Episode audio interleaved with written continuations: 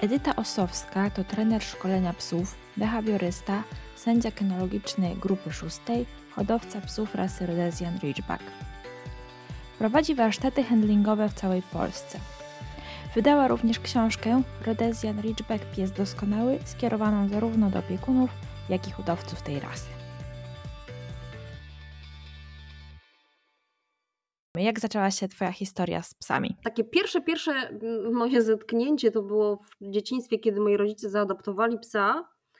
E, I kompletnie wcześniej nie mieli żadnych zwierząt, więc oczywiście też nie umieli z nim postępować. Ten pies e, był po prostu nieposłuszny, nie miał z nami żadnej relacji, zwiewał na spacerze i tak dalej. I to jest takie moje pierwsze, pierwsze e, zetknięcie z psami, gdzie pamiętam, że pomyślałam sobie, chyba psy to jednak jest inny gatunek i z nimi trzeba postępować inaczej, ale potem docelowo ten psiak trafił w ręce e, kogoś z rodziny, kto, kto, kto miał e, dom pod miastem i, i tam się zadomowił. E, później miałam długą, długą przerwę, a kolejne moje zetknięcie z psami to było już w dorosłym życiu, kiedy, kiedy zbudowaliśmy dom z mężem i ja się uparłam na jamnika. Mąż stwierdził, że absolutnie jamnik kojarzy mu się tylko z nieustannym szczekaniem i ganianiem za piłeczką e, i że tak powiem, że negocjacje dosyć długo trwały, aż w końcu wyciągnęłam go na wystawę, żeby miał możliwość wyboru, e, jaki rodzaj jamnika będziemy mieli. I on się wtedy zakochał w Rodezjanach. E, I z kolei on mi postawił ultimatum: albo, albo Rodezjan, albo w ogóle nie będziemy mieli psa. I tak to się zaczęło. E, jak wyglądała droga do waszego pierwszego Ordezjana? E, o dziwo podeszliśmy do tego dosyć racjonalnie i, w sposób taki przemyślany, czyli najpierw żeśmy zebrali mm, dużo informacji o rasie. Ja sobie w Polsce nie było wtedy jeszcze żadnej książki po polsku. Sprowadziłam sobie, zakupiłam na Amazonie e, angielskojęzyczną literaturę, poczytaliśmy, znaleźliśmy ludzi w ogóle, którzy w Polsce mają rodezjany i umówiliśmy się z nimi na spacer, żeby porozmawiać. I wtedy się okazało, że no, jest na tyle mało tych psów e, u nas w kraju i e, bywa chów wsobny, że zdecydowaliśmy się na import e, z Finlandii. I dostaliśmy rekomendacje do mojej pierwszej hodowczyni właśnie od tych ludzi, którzy mieli psa, dzięki czemu zgodzili się oddać do Polski, do dzikiego kraju E, jednego, jednego ze szczeniąt. I pojechaliśmy, pojechaliśmy po naszego psa. To miał być pies Wojtka, mm, natomiast e, no, to, Saba, tak miała na imię, spędziła całą drogę powrotną na moich kolanach. Drukowała jej się patologiczna miłość do mnie. No i została moim psem, a nie, a nie psem mojego męża. I taką, taką mieliśmy śmieszną drogę do pierwszego naszego wspólnego psa. Jak wyglądały Wasze początki? początki myślę, że jak u każdego. Do, do, musieliśmy się do, mm, dograć, tak to ujmę. E, było dosyć śmiesznie, bo ja wtedy pracowałam w korporacji. E, mój mąż jako dziennikarz to tak wolny zawód, więc e, głównie dużo czasu spędzał w domu, więc on miał więcej czasu dla psa niż ja. E, I ja siedziała, siedziałam właśnie w korporacji nad mapami satelitarnymi, a mój mąż do mnie dzwonił i mi opowiadał, gdzie byli dzisiaj na spacerze, jakie nowe tereny odkryli, co tam w ogóle słychać u psa. Pamiętam, że strasznie zazdrościłam tego, że on sobie chodzi e, w ciągu dnia, o której chce na spacery z psem, a ja muszę siedzieć i pracować. E, natomiast takie moje początki relacji z psem to mm, też, ponieważ ja jestem takim tak to powiedzmy, może nie tyle control freakiem, co jest większą prawdą, ale powiedzmy takim um, perfekcjonistą i do wszystkiego się muszę przygotować. E, więc oczywiście ja też się zaopatrzyłam w literaturę o szkoleniu psów i wtedy pamiętam trafiła w moje ręce książka Fischera Dominacji i przestrzegałam bardzo tych, e, teraz jak na to patrzę, głupich, głupich zasad. Więc myślę, że, że Sapcia nie miała ze mną łatwo, natomiast jakby nie udało nam się nie zepsuć tej relacji. I Sała zawsze była moim psem, mimo że więcej czasu spędzała e, z Wojtkiem. E, do tego stopnia, że jeżeli ja byłam w domu, to ona z nim na spacer nie chciała wyjść. E, jak ja byłam w pracy, ok, wtedy w porządku, mogła sobie z nim wyjść, natomiast wszelkie um, takie momenty, w których ja na przykład chorowałam, miałam jakąś grypę czy, czy, czy, czy jakąś inną przypadłość i leżałam w łóżku przez kilka dni, nie było po prostu sposobu, żeby ją na spacer wyciągnąć, mm, bo ona towarzyszyła mi w każdej chorobie. Więc dobrze, że mieliśmy ogród, więc przynajmniej na, na toaletę do ogrodu wychodziła, a tak była zawsze, e, zawsze ze mną. I myślę, że więcej mnie nauczyła o psach niż, niż wszystkie książki. Kiedy pojawił się kolejny pies? A kolejny pies pojawił się kilka lat później, kiedy mm, zaczęliśmy przygodę wystawową z Sabą. E, była dosyć, e, dosyć fajną suczką, natomiast taką powiedzmy na europejskim poziomie, e, gdzie w Polsce jednak przeważały dosyć duże rodezjany, takie bardziej w typie molosa. I pamiętam, że na każdych, na, na większości wystaw gdzieś tam lądowała na końcu stawki u polskich sędziów, natomiast jak przyjeżdżał jakiś sędzia z zagranicy, to Sabunia wygrywała te wystawy i w końcu stwierdziliśmy, że e, zaczniemy przygodę z hodowlą, zrobimy jeden miot, zobaczymy jak nam to wychodzi. E, I w tym pierwszym miocie urodziły nam się dwa wątrobiane, rodezjany mój mąż się zakochał. Co prawda, akurat nie w, nie, nie w wątrobianym, tylko w innym samcu i e, uparł się, że właśnie, ponieważ Saba miała być e, psem dla niego, a, a została moją suką, to on chce teraz samca, który, który będzie mm, jego towarzyszem. No i w ten sposób został u nas w domu Watson, e, który muszę przyznać był psem niezwykłym. Mm, był bardzo taki zrównoważony, tolerancyjny, nigdy się nie wdawał w żadne bójki. E, ponieważ ja w międzyczasie mm, zmieniłam zawód i zaczęłam się troszkę bardziej zawodowo zajmować psami. Zrobiłam kursy instruktorskie, e, więc y, Watson zaczął w starszym wieku pracować ze mną jako taki powiedzmy pies, e, może nie tyle dogoterapeuta, ale taki pies, który pomaga w konsultacjach, w terapiach innych psów. Natomiast jeśli chodzi o Wojtka, to mój mąż totalnie oszalał na punkcie tego psa, jak wracał z jakiegoś wyjazdu. Zazwyczaj wyjeżdżał w ogóle z nim. Natomiast jak wyjeżdżał gdzieś sam, to czy wracał gdzieś z jakichś audycji nocnych, to zawsze pierwsza osoba, z którą się witał, to był pies. Ja byłam gdzieś tam później. E, natomiast oni naprawdę mieli wspaniałą relację e, i Watson towarzyszył Wojtkowi nawet na festiwalach, bo mój mąż czasami prowadzi różne festiwale jako konferencjer e, muzyczne i wtedy wchodził na scenę właśnie z Wojtkiem i mu towarzyszył. E, bądź też na jakichś festiwalach filmowych pamiętam, że mm, też e, był wpuszczany do kina przy fotelu Wojtka sobie leżał i, i grzecznie mu towarzyszył. Także to był akurat znaczy drugi wspólny pies, bardziej Wojtka, ale e, dosyć, dosyć wyjątkowe. Myślę, że każdy właściciel jakoś tam o swoich psach mówi, że są wyjątkowe.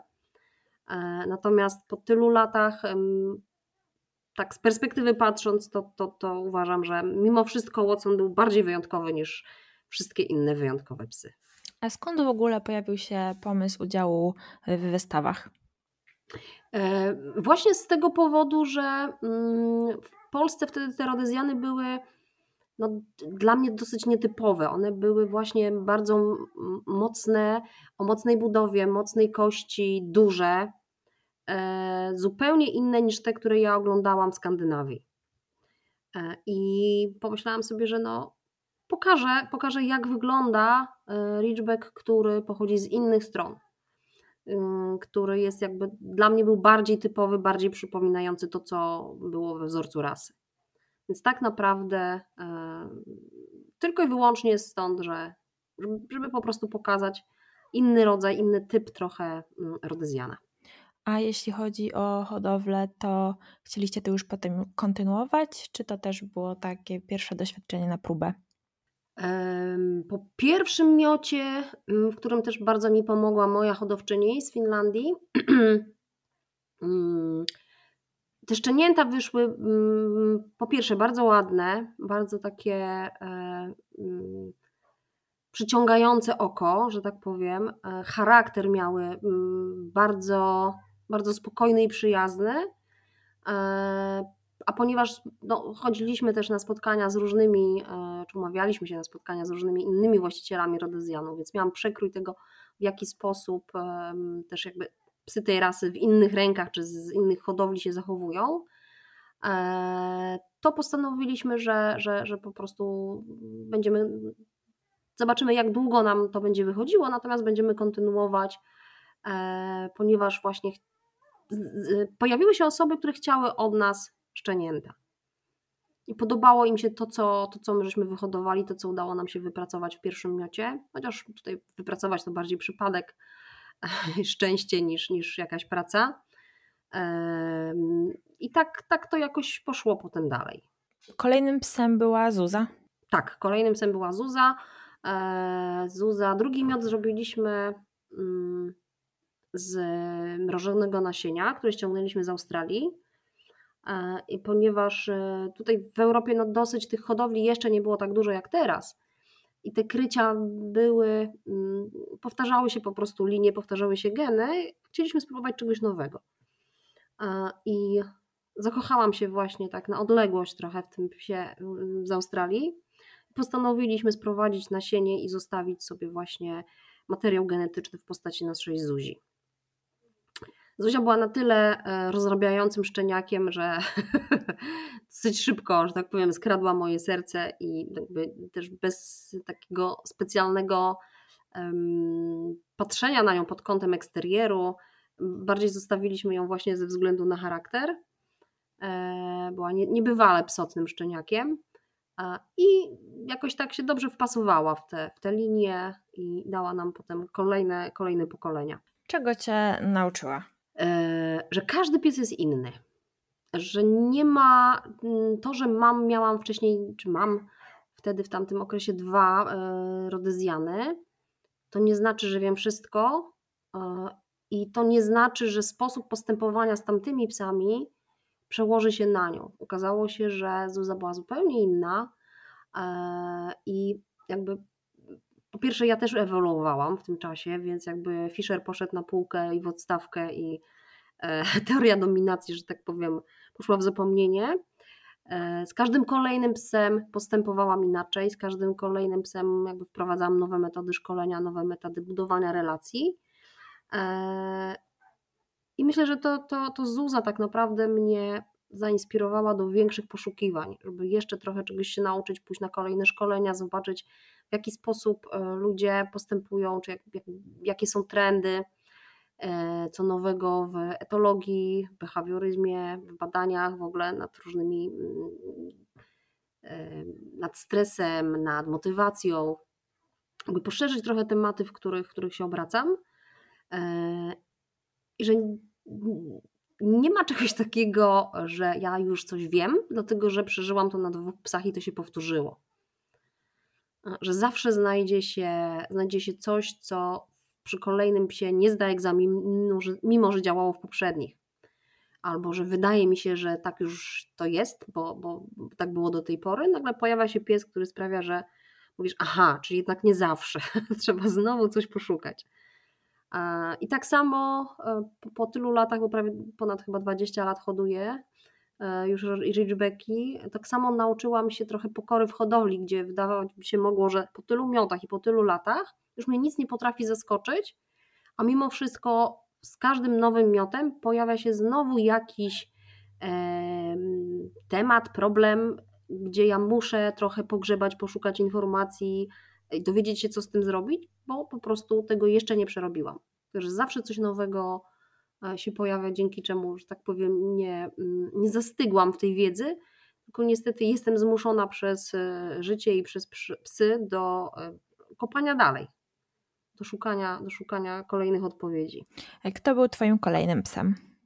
Kolejna była Patka i Patka była psem E, też szczególnym. Myślę, że takim w zasadzie, jakbym miała powiedzieć, pies mojego życia, to, to właśnie to jest Patka.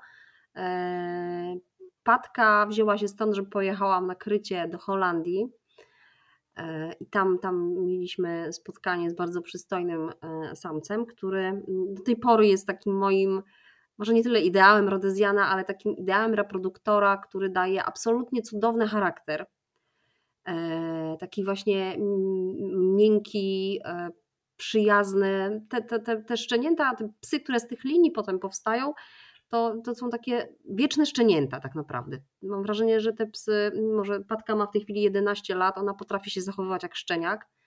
E, nigdy cienia agresji w tych, w, tych, w tych psach nie było.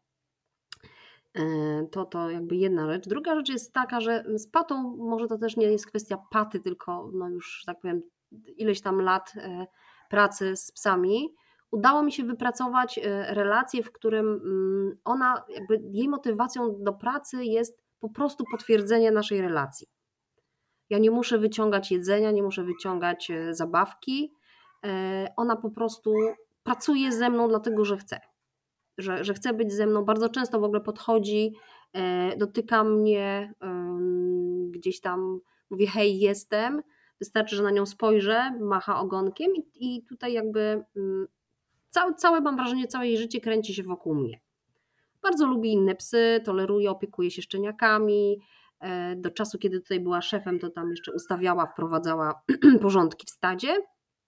Teraz powoli e, to się zmienia. Natomiast jakby ta relacja z nami jest cały czas na takim samym poziomie. E, do tego stopnia, że ja jestem w stanie z nią pójść na wystawę i wystawiać ją kompletnie bez ringówki, bez, bez smyczy, ale oczywiście sędzia się zgodzi, co czasem robię tak, takie show. Natomiast y, mówię, no to to jest pies, który, który chyba nie będę miała już w życiu takiego psa.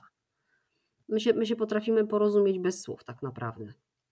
Ona wie, czego ja oczekuję, y, z przyjemnością to, to spełnia, czasami, czasami nie, mają jakieś swoje sprawy.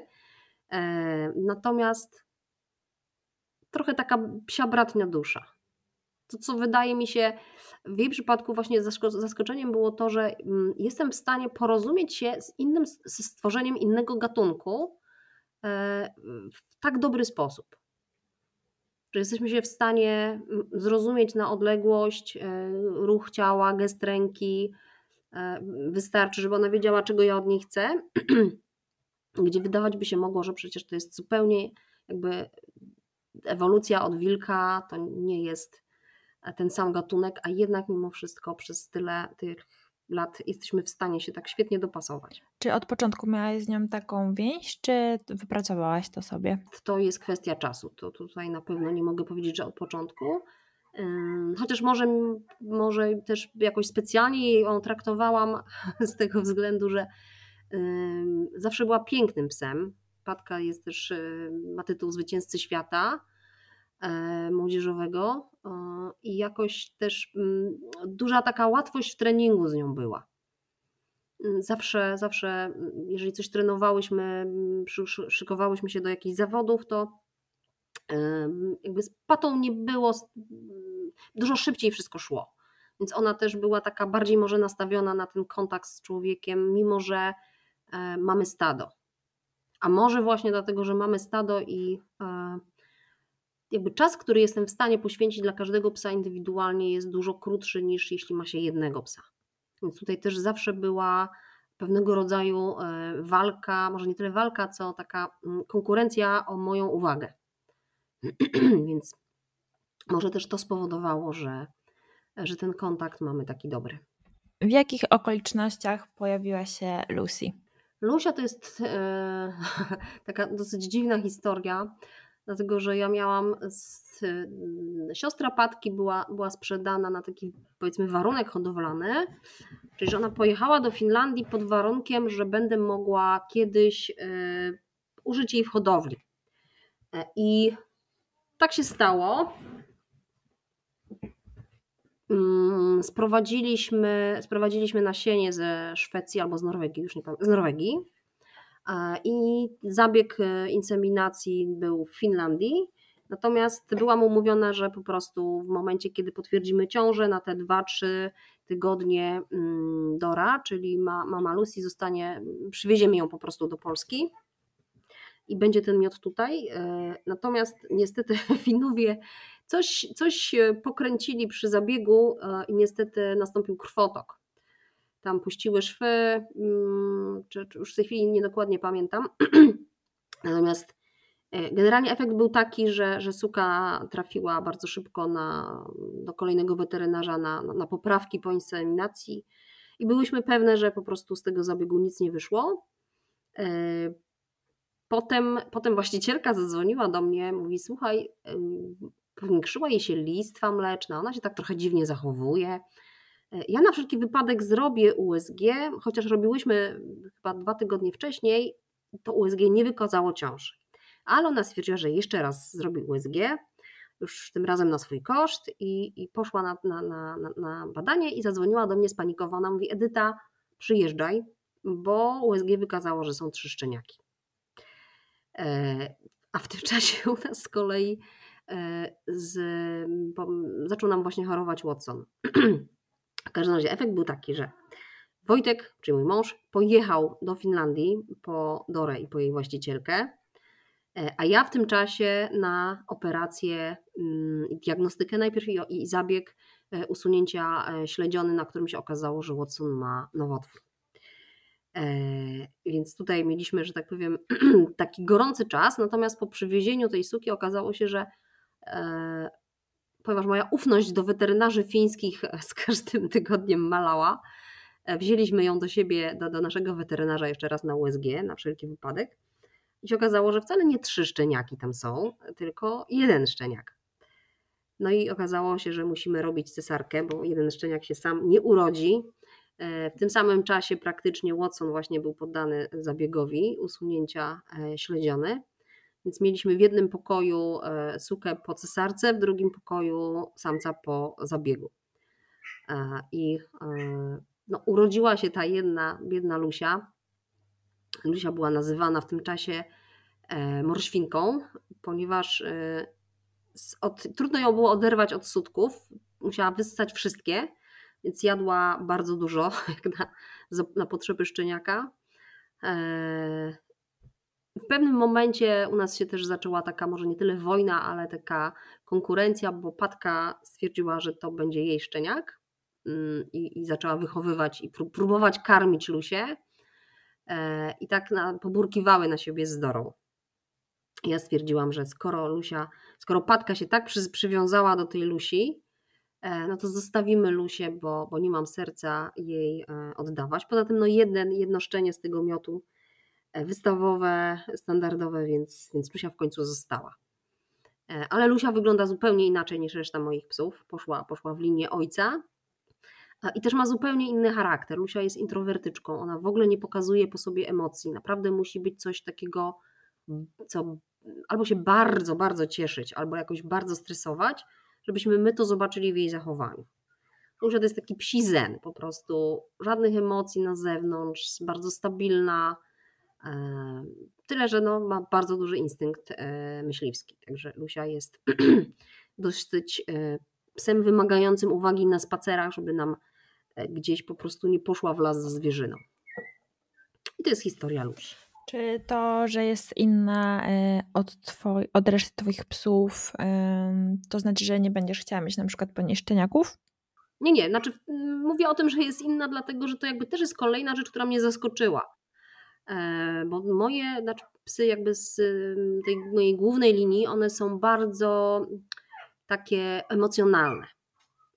E, na nie na przykład podnieść głos, to ja już widzę, że one wysyłają mi sygnały uspokajające, e, uszki do tyłu, ogon opuszczają, jakieś takie sygnały uległości i tak dalej. Natomiast Lusia jest psem, na którym nawet jeśli, nie wiem, na nią nakrzyczę, to dla niej to nie jest sytuacja stresogenna. To, to ją, ona się tym w ogóle nie przejmuje. E, Lusia też, tak jak mówię, jest, ona potrafi się sobą zająć. Będzie jakąś pracę węchową sobie znajdzie, coś, coś będzie robiła. Jest jakby mniej taka mm, odczytywalna w sygnałach. Ja mam wrażenie, że ona jest takim stoikiem wewnątrz. Kontempluje życie, ma oczywiście swoje radości, swoje smutki, swoje fochy, Natomiast to się tak nie uzewnętrznia bardzo jak przy reszcie psów. I, i, i mimo, że to jakby jest po, po, po siostrze mojej papki suka, to, to, no jakby to, to mnie też zaskoczyło, że yy, powiedzmy te 50% genów ma podobnych, natomiast ta reszta wpływa na zupełnie inny przepraszam, charakter. E, kto pojawił się po Lusi? Po Lusi. Ach, po Lusi mieliśmy mm, miod, w którym tak naprawdę Przez spadek progesteronu straciłam prawie wszystkie szczeniaki. Przetrwał, przeżył tylko jeden, czyli Raszka i urodziła się, urodził się jeden szczeniak. Natomiast Raszka jest w rękach mojej przyjaciółki, też trenerki na, na współwłasność.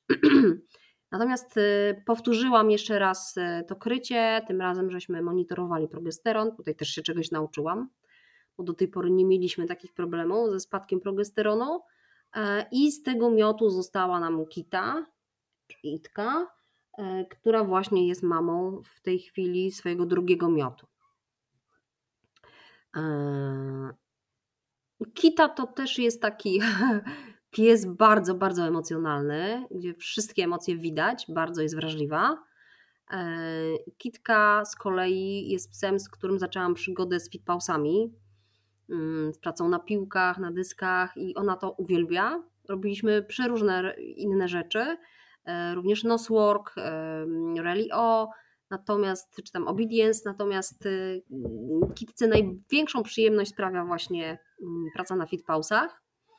E, więc tutaj, jak mieliśmy jeszcze salę niedaleko, na której chodziliśmy, czy ja tam prowadziłam zajęcia właśnie wystawowe z fitpausów i nasza koleżanka prowadziła noswork, więc chodziłam tam na zajęcia z nosworku i normalnie inne psy, dla nich nagrodą za pracę były zabawki czy, czy, czy, czy jedzenie, natomiast po sesji nosworkowej E, dla Ity największą nagrodą było móc wejść na piłki, więc ona po każdym takim znalezionym zapachu e, pędziła na piłki i tam e, była nagradzana właśnie możliwością popracowania na, na, na fitpausach.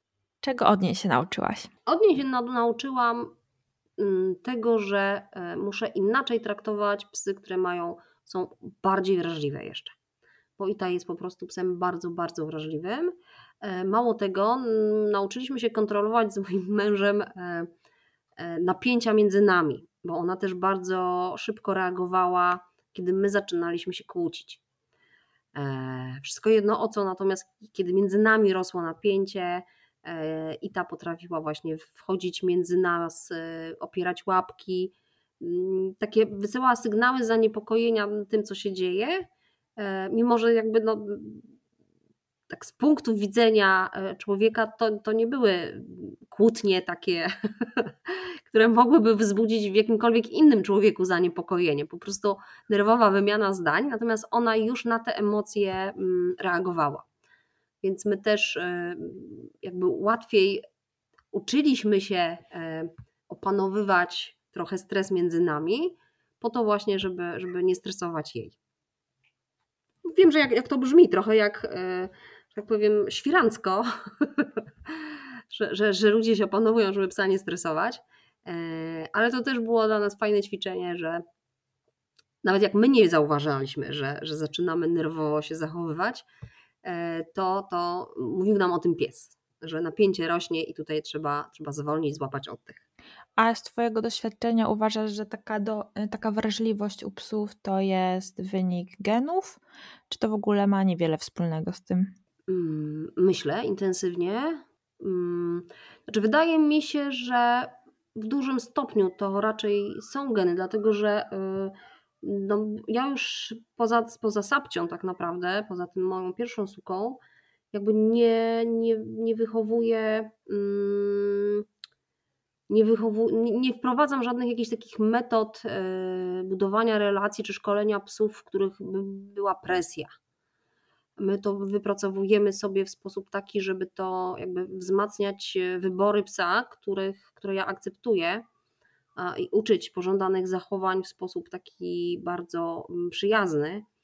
E, ewentualnie tutaj mogło jeszcze wpłynąć to, że jak Kitka była mała, mieliśmy mm, właśnie miot Lucy. Natomiast Kita, ona miała wtedy rok, e, kompletnie nie dostrzegała Mm, znaczy traktowała te małe szczenięta jako trochę zabawki.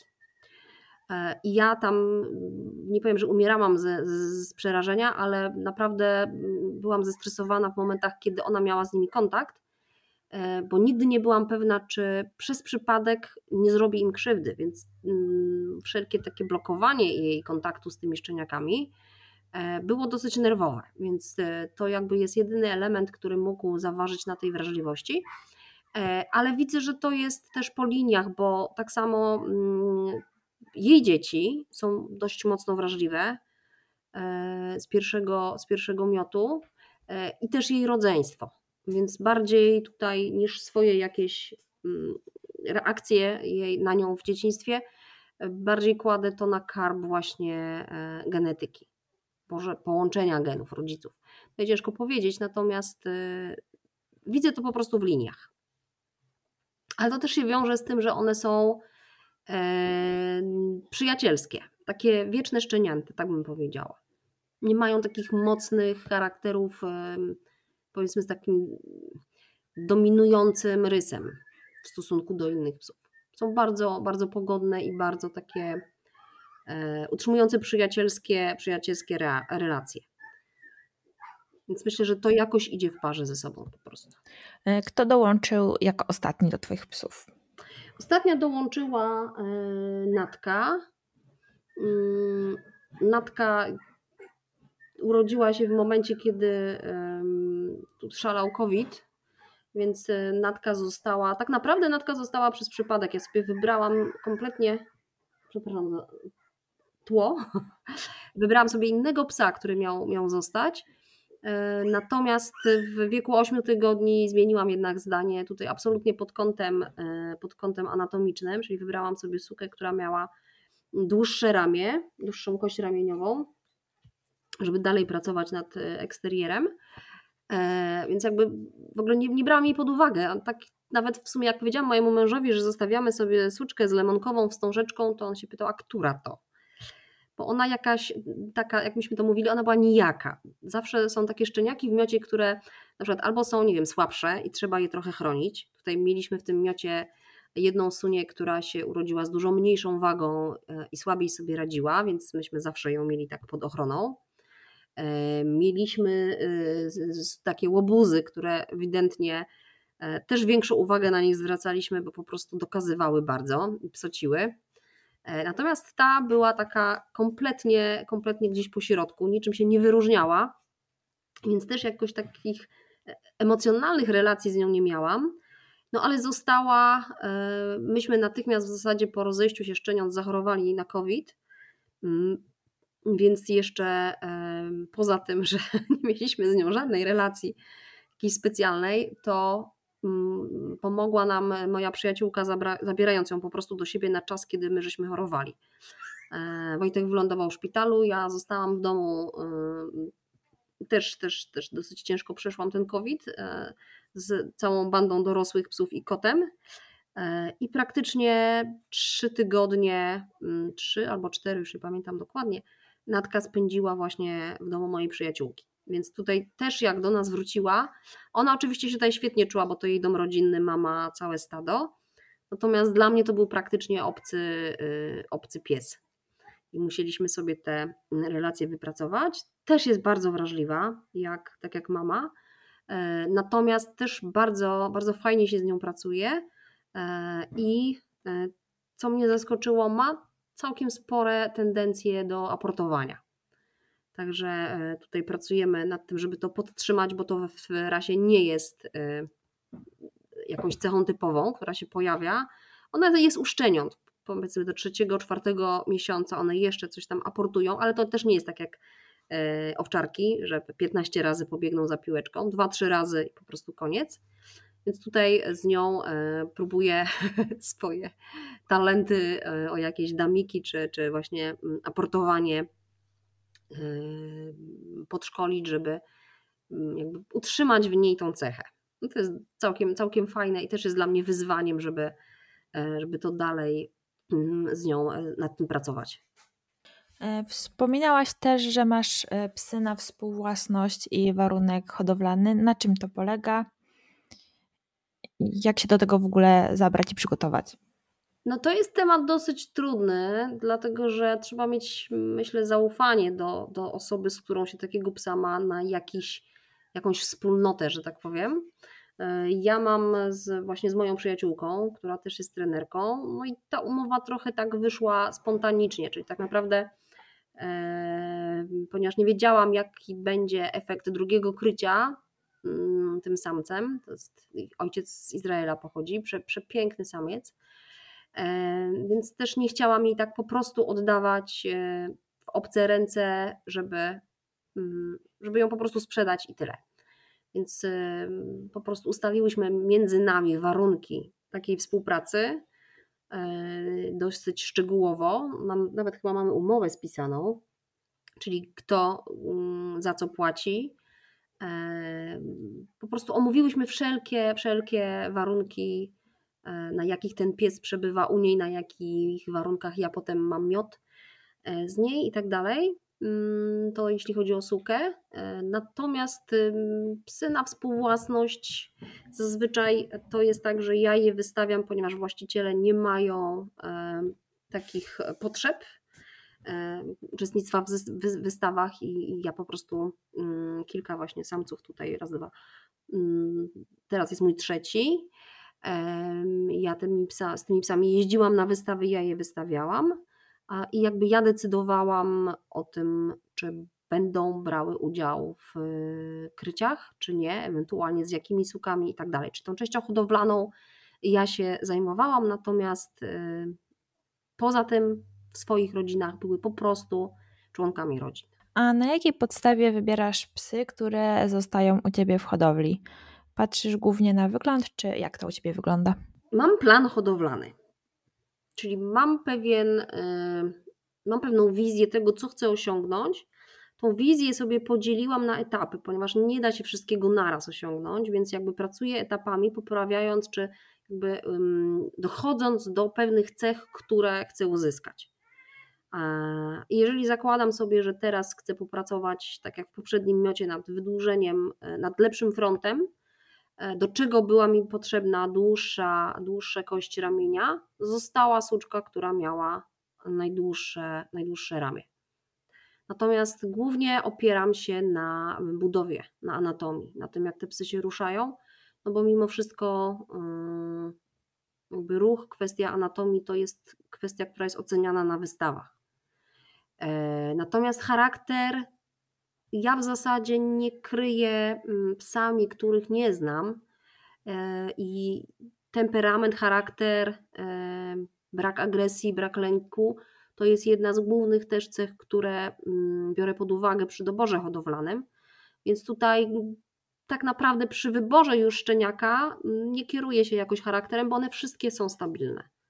Robię, robię szczenięta, mają zawsze wykonywane e, testy osobowościowe, testy PAD które przyjeżdża po prostu inny trener, który umie to zrobić i e, takie testy wykonuje, więc zazwyczaj wyniki tych testów wychodzą w miarę równe. Tam oczywiście są jakieś drobnostki pod tytułem jeden ma większy instynkt myśliwski, drugi ma mniejszy, jeden jest powiedzmy bardziej taki e, asertywny charakter, drugi mniej, ale one zawsze się mieszczą w pewnym takim w pewnych, w pewnych nawiasach tego, co ja, co ja chcę.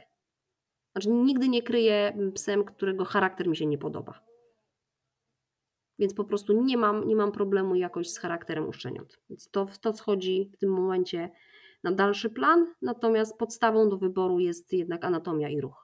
Czy z obecnego miotu też jakiś szczeniak zostanie u Ciebie? Czy to jest tak, że z każdego miotu kogoś sobie zostawiasz? Czy jak to wygląda? Teoretycznie kryje się po to, żeby, żeby jakby dalej mm, rozwijać, e, iść do przodu z tą hodowlą, natomiast y, z tego miotu nie mam takich planów. Mój mąż bardzo, bardzo chce zostawić sobie samca wątrobianego. E, ja bardzo nie chcę zostawić samca, ponieważ samiec i suki, które nie są kastrowane w jednym domu, to jest naprawdę to jest dosyć ciężko i dla psa, i dla ludzi. E, zobaczymy, jak to będzie. Natomiast no, nie wykluczam też takiej możliwości, że po prostu mm, w momencie, kiedy one podrosną i okaże się, że jest jakieś zjawiskowe szczenie, które szkoda oddać tak po prostu, no to może coś zostanie. Natomiast mm, na razie plan jest taki, że jeden samiec zostaje na współwłasność u znajomych, e, a jak się potoczą losy reszty, to zobaczymy. nie chcę się zastrzegać, ale plan jest taki, żeby nic już nie zostawało chwilowo, bo mamy cztery psy e, i trudno mi znaleźć e, tyle czasu, zwłaszcza, że ja też dużo pracuję z psami klientów i jak wracam do domu i stoją te moje cztery sierściuchy i mówią teraz my, to, to czasami już po prostu mam, mam, mam dosyć. Więc nie chciałabym zaniedbywać e, pozostałych poprzez to, że muszę włożyć dużo więcej czasu na pracę ze szczeniakiem. Więc na razie plan jest taki, że mm, współwłasność samca i wystarczy, ale zobaczymy. Właśnie chciałam się zapytać, czy to przypadek, że masz prawie same suki? No, mieliśmy, mieliśmy Watsona, natomiast yy, dla mnie sens zostawiania samca jest żaden, dlatego że no, nie pokryje swoich suk psem z tymi samymi genami. Więc jakby nie użyję takiego reproduktora u siebie w hodowli. Natomiast nawet jak y, Watson był, y, myśmy się zdecydowali na kastrację z tego powodu, że mm, bardzo trudno było e, jemu w czasie cieczek. U nas cieczki, co prawda, trwają w każdej suki, e, występują raz w roku, natomiast one trwają około miesiąca. Więc jeżeli wszystkie się zgrają w tym samym momencie, to jeszcze to jest jakoś, da się przetrwać. E, natomiast jak jedna zaczyna po drugiej, to potrafimy mieć 3-4 miesiące po prostu w cieczkach. A samiec w tym czasie wyje, nie je, wyłamuje drzwi, próbuje się dostać do suk. E, ostatnia nasza cieczka, mieliśmy dwie. Przetrwaliśmy dwie cieczki z Watsonem. E, przy czym druga wyglądała w ten sposób, że mm, Zuza dostała cieczki. Watson oczywiście włączyły mu się hormony i potrzeba do krycia. W tym momencie mój mąż się po prostu wyprowadził z Watsonem do hotelu, żeby przeczekać tą cieczkę. E, po tygodniu Zuzia wstrzymała cieczkę. Mój mąż wrócił i po paru dniach Zuzia cieczkę od początku włączyła. Więc e, no to była naprawdę jazda bez trzymatki. Pies nam schudł chyba z 10 kilo w tym czasie, bo w ogóle nie chciał jeść, tylko, tylko, tylko świrował. E, I widać było, że to męczy mm, i jego, i sukę, mm, no i nas też. No i baliśmy się, że chwila nieuwagi i po prostu się pokryją. E, I stąd ta decyzja, że nigdy więcej. Wiem, że ludzie sobie radzą, ale no, nasza sytuacja jest taka, że nie mamy rodziny tak blisko, żebyśmy komuś mogli wcisnąć psa na miesiąc. E, I musielibyśmy się nim sami zajmować, a to po prostu jest zbyt trudne. To jeszcze wracając do tego doboru szczeniaków. Czy już u takiego e, kilkutygodniowego pieska da się tak dobrze przewidzieć jego sukces wystawowy? Um, sukcesów wystawowych się nigdy nie da przewidzieć, dlatego że um, szczeniak to jest jeden z tych sukcesów, czy jeden, jeden z elementów, jedna ze zmiennych. E, natomiast e, da się przewidzieć jego budowę. Ja zaczynam ocenę tak mniej więcej od szóstego tygodnia, czyli szósty, siódmy, ósmy, patrzę na te szczenięta Zazwyczaj oceniam na podstawie zdjęć, bo one się jednak dosyć kręcą, też perspektywa taka z góry nie, nie, nie służy ocenie proporcji. Natomiast ładuję na stół, robię zdjęcia w pozycjach wystawowych i jestem w stanie po ocenie długości kości, proporcjach e, ocenić, bo one mniej więcej w tym wieku wyglądają, e, czy te, te proporcje są takie, jak będą u dorosłego psa. Oczywiście to nie jest kopia jeden tam do jednego przeniesienie po prostu na wielkość, e, ale proporcje kości względem siebie, długości mm, psa i tak dalej, e, grubość kośćca, mm, umaszczenie, to wszystko da się, da się ocenić, plus ocena takiego, obejrzenie takiego psa w ruchu. Bo jeżeli w tym wieku pies ma wady ruchu, e, to z dużym prawdopodobieństwem one będą też u dorosłego psa. Czyli tak naprawdę e, anatomia jak najbardziej. Natomiast, no mówię, kwestia potem przygotowania tego psa do wystaw, czy coś się w międzyczasie nie wydarzy takiego, co wpłynie na jego psychikę, na lękliwość, na stosunek do innych ludzi czy do innych psów, no to, to, to w tym tego się nie przewidzi. Natomiast anatomię, budowę jak najbardziej. Jedyna z czym mam problem, czego jeszcze nie do końca umiem, to jest przewidzieć, jak rozwinie się głowa.